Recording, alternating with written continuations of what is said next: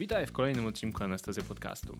Dzisiaj jeden z takich, które są przeznaczone głównie dla tych, którzy zmęczyli się już nieco tematem COVID-19 i potrzebują chwili wytchnienia, żeby zająć się czymś innym.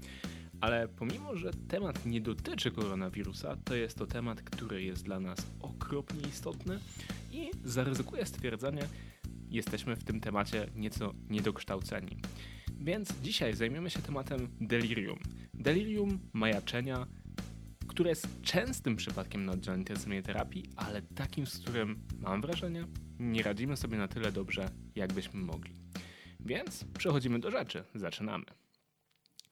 Pacjenci z delirium, czyli z majaczaniem, mają wyższe ryzyko przedłużonej hospitalizacji, pogorszenia funkcjonalnego i kognitywnego, wyższe ryzyko instytucjonalizacji po pobycie w szpitalu, ale też, a być może przede wszystkim, wyższą śmiertelność. Okazuje się, że wystąpienie delirium na oddziale intensywnej terapii, ale w ogóle w czasie hospitalizacji, jest niezależnym markerem dla śmiertelności zarówno 6, jak i 12 miesięcy po hospitalizacji. Pacjenci, u których to delirium rozpoznamy wcześniej i wcześniej zaczniemy je, leczyć, wydają się nie różnić pod względem śmiertelności od takich pacjentów, którzy nigdy delirium nie doświadczyli. A więc, jeśli udawałoby nam się szybko rozpoznać delirium, a co jeszcze lepsze, może zapobiegać wystąpieniu delirium w okresie pooperacyjnym albo w okresie pobytu na oddziale intensywnej terapii, to moglibyśmy zmniejszać śmiertelność pacjentów, którzy z tego oddziału wychodzą. Wszystko wskazuje na to, że 50% i więcej pacjentów chorych krytycznie doświadcza w czasie pobytu na oddziale intensywnej terapii delirium. Ilu z nich, z tych pacjentów, rozpoznałaś albo rozpoznałeś ostatnio na swoim oddziale? Ja mogę powiedzieć za siebie, rozpoznajemy ich niewystarczająco wielu. W związku z tym w dzisiejszym właśnie odcinku chciałbym skupić się na tej wyjątkowo częstej przypadłości i powiedzieć o tym, co my jako lekarze możemy zrobić, by tego delirium było mniej i by jego skutki były mniej opłakane. I w dzisiejszy odcinek chciałbym zacząć od tego, że posłuchamy sobie jednego z pacjentów, który delirium doświadczył. Przekaz niestety jest po angielsku, ale mam nadzieję, że z niego coś zrozumiecie. and I begin to think I can't figure out where I am. And I, I thought, I'm in a motel in Morden, Manitoba. It's called the Heartland Motel. Don't know why. And I thought, I, I can't be in a motel. Uh, and then I, I, I looked across the room and I was convinced that I saw a car parked there with its headlights on. And I thought, I'm on the fifth floor. There can't be a car parked there, but I have to get out of this hospital. And so I said to myself, I'm leaving. And I also, and I look down and I'm full of tubes and connected to many things in the bed. And I knew I was just wearing a Johnny shirt. I'm not sure what you guys called them, but it was like an open back thing. No shoes, nothing, just bare feet. And I thought, I don't care. I'm getting out of this hospital. And then when, when this began to happen, I, I couldn't understand it. I was upset. I was confused. I, I mean, it's a good thing I didn't do something stupid like try to pull out some of the IVs and such that were connected to me because I was really kind of lost. Byłem faktycznie na swój sposób zagubione. Jak często zdarzają się pacjenci, którzy wyrywają sobie rurki, którzy sami się ekstubują, którzy wydają się nie wiedzieć, co się z nimi dzieje i są przez nas opisywani jako pacjenci agresywni, trudni, niekooperatywni. Być może odrobinę za często i być może odrobinę zbyt rzadko w takich przypadkach myślimy o nich na zasadzie właśnie takiej, to jest trudny pacjent, a trochę mniej na zasadzie to jest cierpiący człowiek, którego zaburzenia w tej chwili wynikają nie z tego, jaki on jest, ale z tego, w jakim on w tej chwili jest stanie chorobowym. Więc jeśli mówimy o przypadłości, która dotyczy od 50 do 80% pacjentów, którzy są wentylowani mechanicznie, to być może potrzebujemy skupić na tym więcej uwagi. Więc delirium jest ostrym, uogólnionym zaburzeniem funkcjonowania mózgu. Mówimy głównie o tym właśnie ostrym zaburzeniu, czyli to jest coś, co odróżnia delirium od demencji. które wywołuje zaburzenia uwagi, np. desorientację, niemożność wykonania, niemożność wykonywania złożonych poleceń i następuje okresowo. To znaczy, że pomiędzy okresami zaburzeń pacjent może funkcjonować zupełnie normalnie. Może być tak, że rozmawiamy z pacjentem, on jest logiczny, odpowiada na pytania i współpracuje się, czy rozmawia się z nim dobrze, ale kiedy odejdziemy od tego pacjenta, za 5 minut coś się z nim zaczyna dziać. Rozpoznanie stawia się przede wszystkim na podstawie objawów klinicznych i to jest trudne. Trudne z dwóch przyczyn. Pierwsza przyczyna jest taka, że większość delirium, które rozpoznajemy na intensywnej terapii, a także to, o którym mówił w swoim zeznaniu ten człowiek i także to, o którym ja właściwie już zdążyłem powiedzieć, to jest to delirium, które jest delirium hiperaktywnym. Pacjent jest pobudzony, wyrywa sobie rurki, krzyczy, zachowuje się agresywnie, złości się, drażni się. To są wszystko rzeczy, które relatywnie łatwo zobaczyć, ale jest też drugie delirium. Jest to delirium hipoaktywne, kiedy mamy pacjenta, który jest jakby bardziej wycofany. Taki bezproblemowy, grzeczny pacjent intensywnej terapii, którego się nie boimy. I to jest ten pacjent, który sprawia nam więcej problemów, bo ma takie same zaburzenia, takie same halucynacje jak ten, który jest hiperaktywny, ale tak bardzo trudno jest go wyłapać. Jeśli masz pacjenta, który ma te objawy kliniczne, czyli objawy psychotyczne, emocjonalne, odwrócenie rytmu dobowego z aktywnością w nocy i, i sennością w dzień i wzmożone napięcie współczulne, na przykład naciśnienie i tachykardia, możesz myśleć o rozpo postawieniu rozpoznania delirium, ale pamiętaj o tym, że delirium może być też objawem zagrażającej życiu patologii. Nawet jeśli jest to częsta rzecz i na oddziale intensywnej terapii zdarza się bardzo często bez innej istotnej przyczyny. Także rozważ badania laboratoryjne, rozważ badania obrazowe, rozważ EEG, zwłaszcza jeśli podejrzewasz padaczkę, albo bezdrgawkowy status epilepticus. Jakie są przyczyny w ogóle występowania tego delirium? Mówimy o bardzo częstej patologii, ale dlaczego do niej dochodzi? No więc jest taki algorytm, który nazywa się I Watch Death, czyli oglądam śmierć. I ten algorytm mówi nam o tym, czy właściwie to jest mnemonik, nie algorytm, dlaczego ludzie mają delirium. I teraz po kolei, rozwijając sobie angielski skrót, wszystkie te, cały ten opis znajduje się cały ten opis znajdzie się w notatkach do tego podcastu. Będziemy mieli infectious, czyli infekcje, withdrawal, czyli odstawienie leków albo alkoholu, trauma, trauma, czyli uraz, również uraz operacyjny, CNS pathology, czyli patologię ośrodkowego układu nerwowego, hipoksja, deficiencies, czyli niedobory, zwłaszcza witaminy B12, tiaminy, kwasu foliowego, E, endocrine pathologies, czyli patologie układu wewnątrzwydzielniczego, tutaj zwłaszcza hipoglikemia przychodzi nam do głowy. A, czyli acute vascular, nagłe stany powodzenia naczyniowego. T, jak toxins, czyli toksyny, ale też leki. I H, jak heavy metals, czyli ciężkie metale, którymi pacjent mógł się być, e, mógł się był zatruć. Jak więc zapobiegać występowaniu delirium? Um, przede wszystkim musimy zdać sobie sprawę z tego, że zapobiegać delirium powinniśmy u wszystkich pacjentów na oddziale intensywnej terapii. Możemy zapobiegać mu modyfikując czynniki ryzyka, które która to modyfikacja zdaje się faktycznie zmniejszać częstotliwość występowania delirium. Takimi czynnikami ryzyka jest nieznajome otoczenie. Tutaj pomagają zegary, okna, które są skierowane na zewnątrz, kalendarze z zaznaczoną datą, słowne reorientowanie pacjenta, czyli mówienie mu, gdzie jest, gdzie się znajduje, co się dzieje, dlaczego tutaj jest i tak. Drugie, stymulacja kognitywna, w szczególności regularne odwiedziny rodzinne, ale też to, że pacjent ma możliwość nie wiem, obejrzeć telewizję, rozwiązać krzyżówkę, cokolwiek, zwłaszcza pacjenci, którzy nie są głęboko scedowani. Trzecie i być może najważniejsze to jest ułatwianie snu fizjologicznego. Więc w nocy zmniejsz głośność pikaczy i te pikacze, które są, które mają night mode, czyli które mogą być ustawione na mniejsze e, generowane oświetlenie, przestaw na night mode. Zgaś światło, ogranicz interwencje pielęgniarskie do minimum. Jedno z badań wykazało wręcz, że tak mała rzecz jak używanie dla pacjentów, nie dla personelu, zatyczek do uszu w nocy zmniejsza częstotliwość występowania delirium. Częstym błędem, który popełniamy, czy częstą grupą błędów są błędy, które są związane z farmakologicznym leczeniem bezsenności. Jak to często jest robione? Jest to często robione tak, że między drugą a piątą rano, jeśli pacjent nie może spać, to dostaje benzodiazepinę. Yy, także generalnie dostaje tą benzodiazepinkę, zasypia i śpi w dzień, bo nie może się obudzić, bo dostał w nocy benzodiazepinę. Jest to logiczne ale jest to błąd, dlatego że chcemy, żeby pacjenci zasypiali wtedy, kiedy mają zasypiać, a nie kiedy późno w nocy dajemy im benzodiazepinę i żeby ci pacjenci w dzień byli aktywni i czuwali, bo odwrócenie tego rytmu noc-dzień generalnie nie przynosi nam niczego dobrego.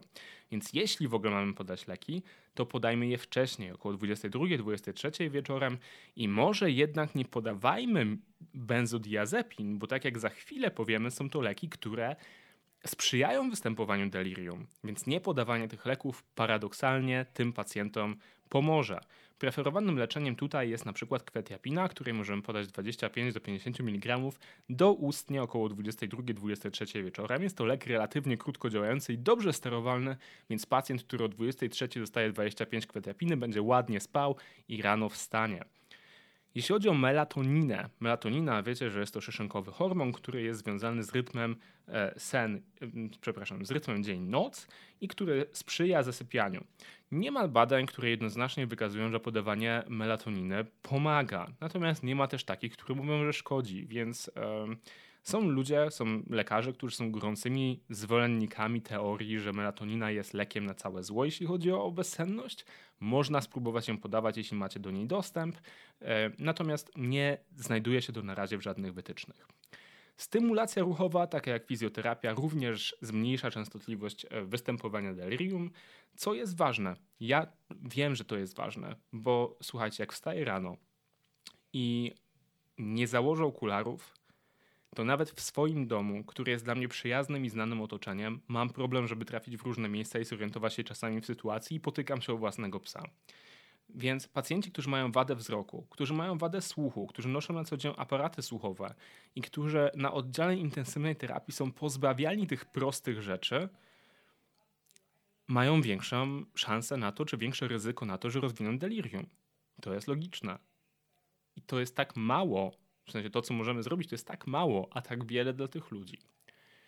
Następnym ważnym krokiem jest to, żebyśmy unikali leków, które mogą wywołać problemy. Jest takich leków cała masa, cała lista, właściwie prawie każdy lek może wywołać delirium.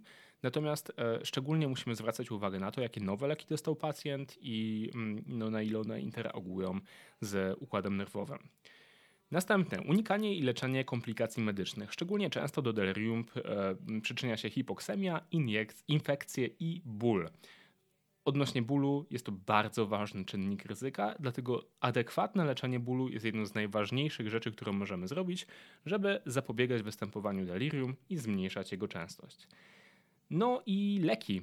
Na chwilę obecną nie ma takich dowodów, które mówiłyby, że podawanie pacjentom leków zmniejsza częstotliwość występowania delirium. Dlatego nie zalecamy podawania leków w delirium e, bezobjawowym, bo oczywiście może być tak, że mamy pacjenta w delirium hiperaktywnym, któremu będziemy chcieli podać leki, o czym powiemy za chwilę.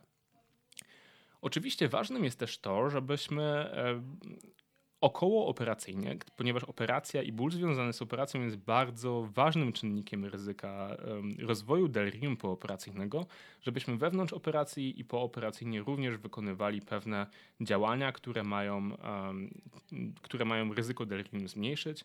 Na przykład właśnie to, że prowadzimy adekwatną analgezję w czasie zabiegu operacyjnego, ale też to, że zanim pacjent wyjedzie z sali pooperacyjnej, to dostanie od nas screening w stronę delirium, no bo może być tak, że to delirium rozwija się u niego już podczas pobytu w, w tak zwanej sali wybudzeń. Czy powinniśmy prowadzić screening w stronę delirium? Jest takie narzędzie, które nazywa się mm, CAM ICU. I to badanie, mm, to narzędzie jest używane w badaniach klinicznych jako przyłóżkowe narzędzie, które pozwala nam ocenić e, ryzyko delirium. Więc przede wszystkim potrzebujemy zacząć od oceny stanu świadomości w skali RAS, czyli Richmond Agitation Sedation Scale. I w tej skali, jeśli mamy pacjenta z wynikiem minus 3 albo wyższym, czyli pacjenta, który, który porusza się albo otwiera oczy na głos, to możemy przejść do oceny jego czy, czy występowania albo braku delirium, no bo głęboka sedacja uniemożliwi nam to badanie. I żeby rozpoznać delirium, musimy przejść przez 3 do 4 kroków.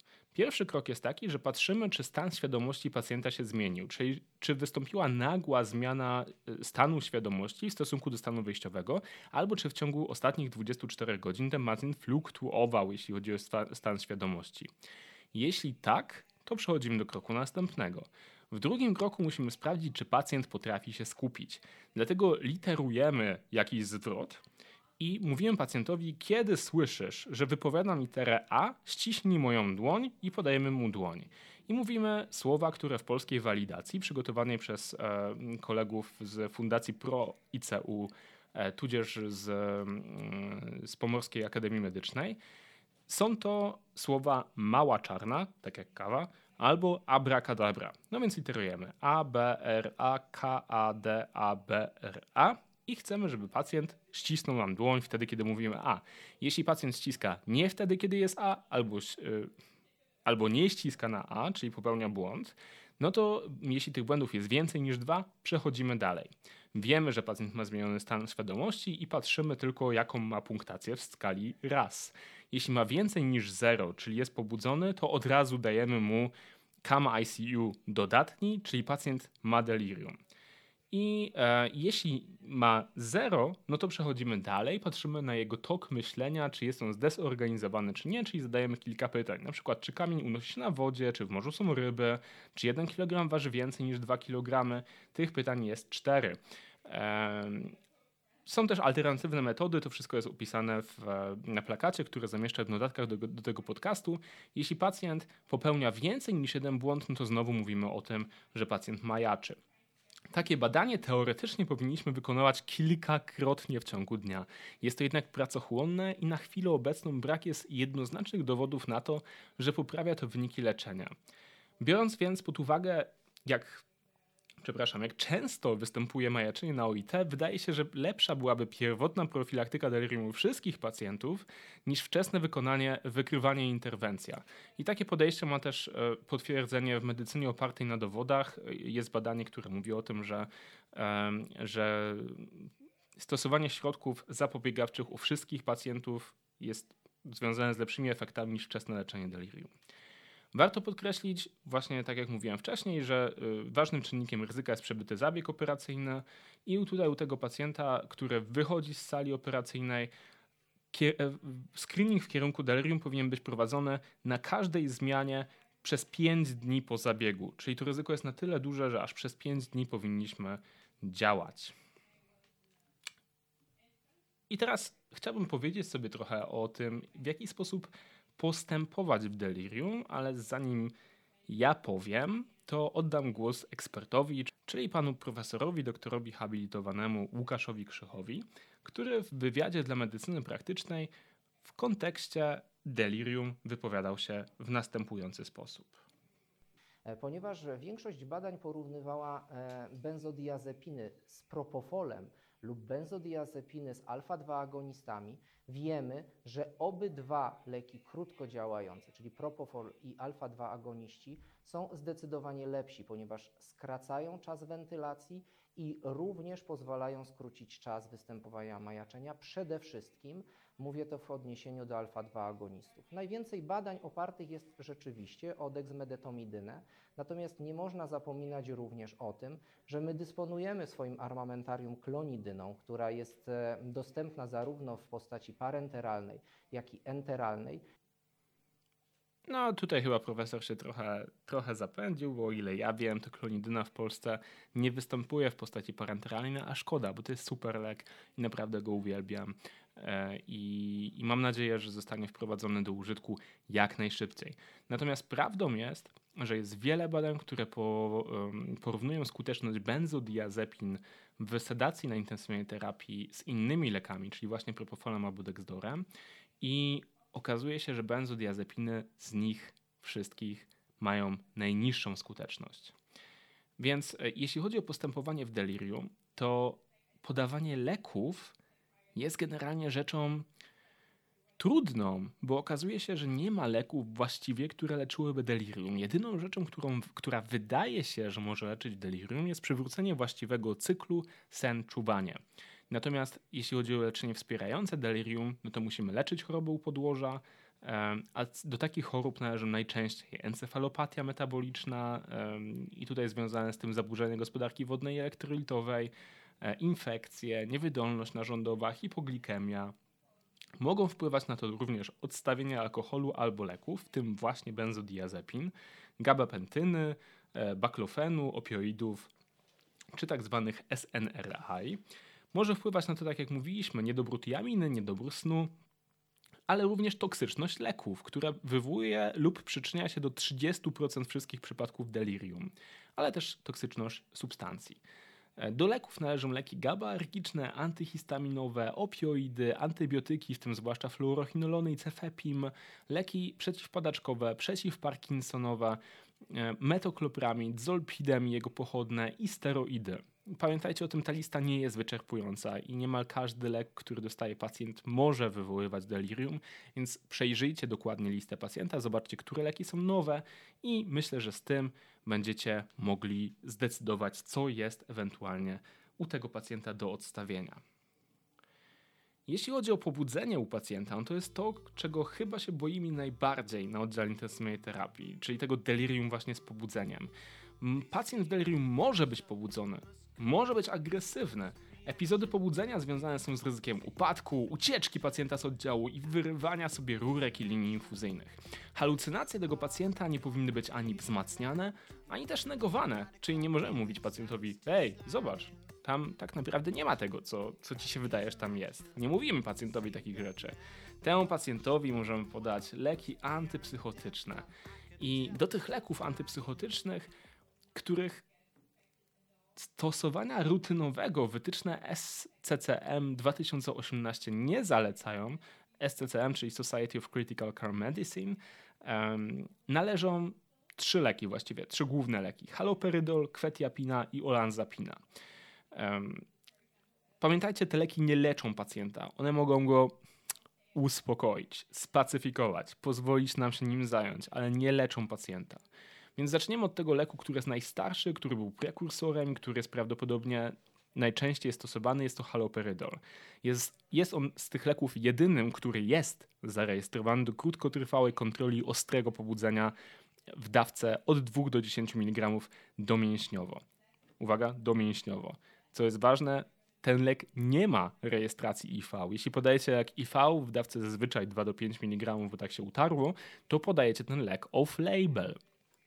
Jeśli chodzi o działanie tego leku, to zgodnie z HPL-em blokuje on receptory dopaminergiczne, zwłaszcza typu D2, ma właściwości antycholinergiczne i wiąże się z receptorami opioidowymi. Jeśli podamy te 2 do 5 mg IV off-label, e, to początek działania będzie miał miejsce po 5 do 20 minutach i nie wcześniej, czyli nie, nie podajemy następnej dawki za 3 minuty, spodziewając się, że ta pierwsza nie zadziałała. To jest za wcześnie, to jest po prostu nieadekwatne postępowanie. Po dawce IM trzeba czekać nawet dłużej niż 20 minut. I teraz najbardziej, najbardziej znane, może nie popularne, nie, mów, nie używajmy takiego słowa, najbardziej znane działanie niepożądane haloperydolu to jest wydłużenie odstępu QTC. Więc jeśli macie pacjenta z długim QT, haloperydol jest oczywiście przeciwwskazany. Ponadto przeciwwskazany jest w demencji z ciałkami Lewiego i w chorobie Parkinsona. Kwetiapina jest e, atypowym lekiem, e, lekiem przeciwpsychotycznym, który jest dostępny do podaży tylko do ustnej, ale szybko osiąga szczytowe stężenie po około 1 godzinie i podawany jest co 12 godzin. Tak jak powiedziałem, jest to lek z wyboru w dawce 25 do 50 mg w momencie, kiedy chcielibyśmy tego pacjenta sensownie położyć spać, podając lek, który nie zwiększa ryzyka wystąpienia delirium. Trzeci lek, czyli olanzapina, jest to lek, który jest niezarejestrowany wprawdzie do kontroli pobudzenia e, i nie jest zarejestrowany do stosowania IV.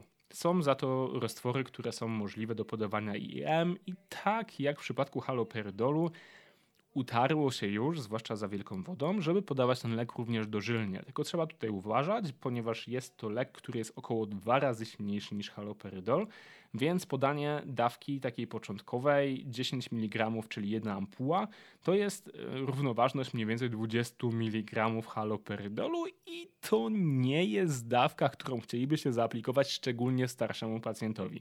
Więc mówiąc szczerze, nie polecam, wstrzymajcie się, uważajcie. Benzodiazepiny. It's a trap. to pułapka. Po prostu nie, nie podawaj ich, zapomnij o tych lekach, są złe. Więcej, nie, nie, nie, są tylko złe, one są niezależnym czynnikiem ryzyka rozwoju delirium, zarówno midazolam, jak i lorazepam. One w wielu badaniach zostało pokazane, nie, one wywołują delirium. Nie chcesz tego. Jedynym być może wskazaniem do stosowania benzodiazepin jest delirium z odstawienia alkoholu albo leków sedatywnych, a w szczególności benzodiazepin, ale to też robimy raczej wtedy, kiedy te, mm, kiedy te leki przeciwpsychotyczne, antypsychotyczne, o których mówiliśmy przed chwilą, są przeciwwskazane. Raczej nie stosujcie midazolamu, ponieważ są to złe leki. Po prostu są to złe leki. Dexmedetomydyna. To jest ciekawa sprawa. Wytyczne SCCM 2018 sugerują użycie dexmedetomidyny w przypadku delirium u wentylowanych mechanicznie pacjentów, u których splątanie uniemożliwia odzwyczajanie od respiratora i ekstubację.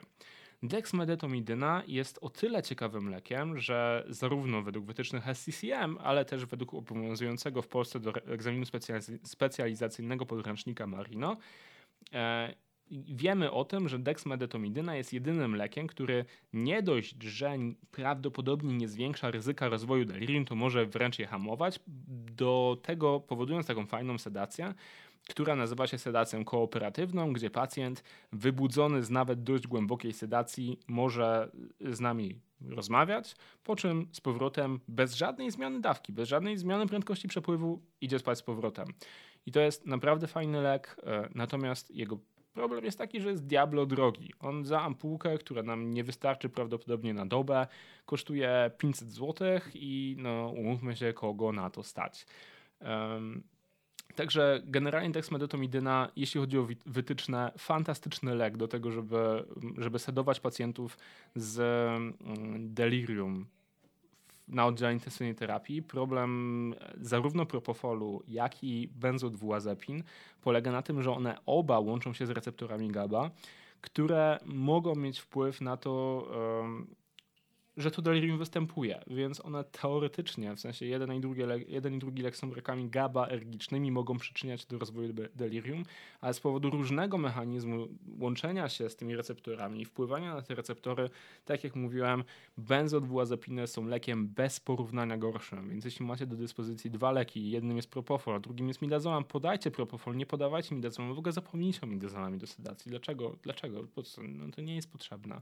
A może no, niweczyć wyniki leczenia naszego pacjenta, no bo mimo wszystko e, delirium utrudnia odzwyczajenie od respiratora, zwiększa liczbę dni na oddziale intensywnej terapii, zwiększa liczbę dni wentylacji mechanicznej u pacjenta.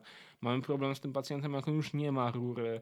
Także im więcej rzeczy robimy do tego, żeby, czy w kierunku tego, żeby zapobiegać rozwojowi delirium na oddziale intensywnej terapii, im bardziej przyjazne środowisko, bardziej domowe środowisko i, i takie sprzyjające zorientowaniu środowisko staramy się tym pacjentom stworzyć, tym większa szansa, że ci pacjenci krócej będą musieli z nami być.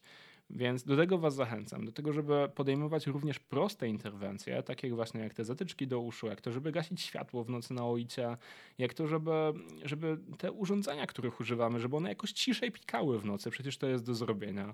Po to, żeby pacjenci, którzy którzy są na tym oddziale, nie byli w aż takim stresie, żeby oni się mogli po prostu wysypiać, żeby byli w środowisku, które jest dla nich możliwie znane, żeby wreszcie, i to jest bardzo ważne, nie traktować ich jako trudnych pacjentów wtedy, kiedy zaczyna się z nimi dziać, bo to zeznanie, które słyszeliśmy na początku odcinka, to, to, to, to świadectwo dotyczące delirium, to było świadectwo człowieka, który jest wyżej ma wysokie wykształcenie i, um,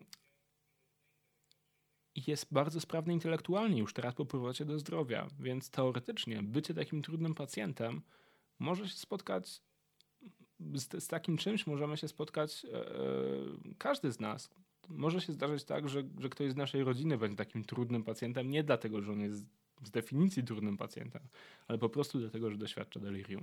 I wreszcie na samym końcu pamiętajcie o tym, że delirium zdarza się nie tylko na oddziałach intensywnej terapii, że zdarza się również u młodych ludzi, nie tylko u starych ludzi, i zdarza się również na zwykłych oddziałach szpitalnych i zdarza się czas, czasem, że my jako anestezjolodzy do takich zwykłych pacjentów na zwykłe oddziały szpitalne jesteśmy wołani. Ja osobiście miałem okazję być u kilku takich pacjentów, którzy doświadczyli delirium pooperacyjnego na oddziale chirurgii urazowej, czyli na zupełnie zwykłym oddziale. To nie byli starzy pacjenci, to nie byli schorowani pacjenci, to nie byli pacjenci z mnóstwem czynników ryzyka. Więc jeśli macie wynieść jedną rzecz z tego podcastu, to pamiętajcie o tym, że delirium istnieje i o tym, że można mu zapobiegać i że można je leczyć i żeby w tym leczeniu nie stosować benzodiazepin. I to by było tyle na dzisiaj. Bardzo dziękuję wszystkim, którzy wspierają Anestezję Podcast, wszystkich, którzy słuchają nas regularnie. Ci z Was, którzy śledzą nas w różnych aplikacjach podcastowych, wiedzą, że ostatni odcinek, czyli anestezjologiczna prasówka, to był już 50. odcinek w historii Anestezjo Podcastu. I gdybyście powiedzieli mi o tym dwa lata temu, prawie dwa lata temu, kiedy zakładałem Anestezjo Podcast, w życiu bym nie uwierzył, że to będzie trwało tak długo. Więc dziękuję wszystkim, którzy są z nami, dziękuję tym, którzy nas wspierają. W ostatnich dwóch tygodniach dołączyło do nas aż 12 nowych patronów, co jest dla mnie niesamowitym, niesamowitą radością. E, I dziękuję im bardzo, bardzo, bardzo, bardzo serdecznie, z całego serca. Jeśli ty nie jesteś jeszcze patronem, a chciałbyś pozbyć się 3 zł miesięcznie ze swojego portfela po to, żebyśmy z Szymonem mogli tworzyć dalej to, co dla was tworzymy, to wejdź na stronę laryngoskop.eu ukośnik patron, albo wejdź po prostu na stronę laryngoskop.eu i na górze znajdziesz taką zakładkę jak zostać patronem. Liczę na was, jest to dla mnie bardzo ważne, że mnie wspieracie i mam nadzieję, że dzięki temu co robicie będę mógł tworzyć coraz lepsze odcinki. Więc trzymajcie się, spokojnych świąt dla tych, którzy słuchają mnie jeszcze w święta i do usłyszenia.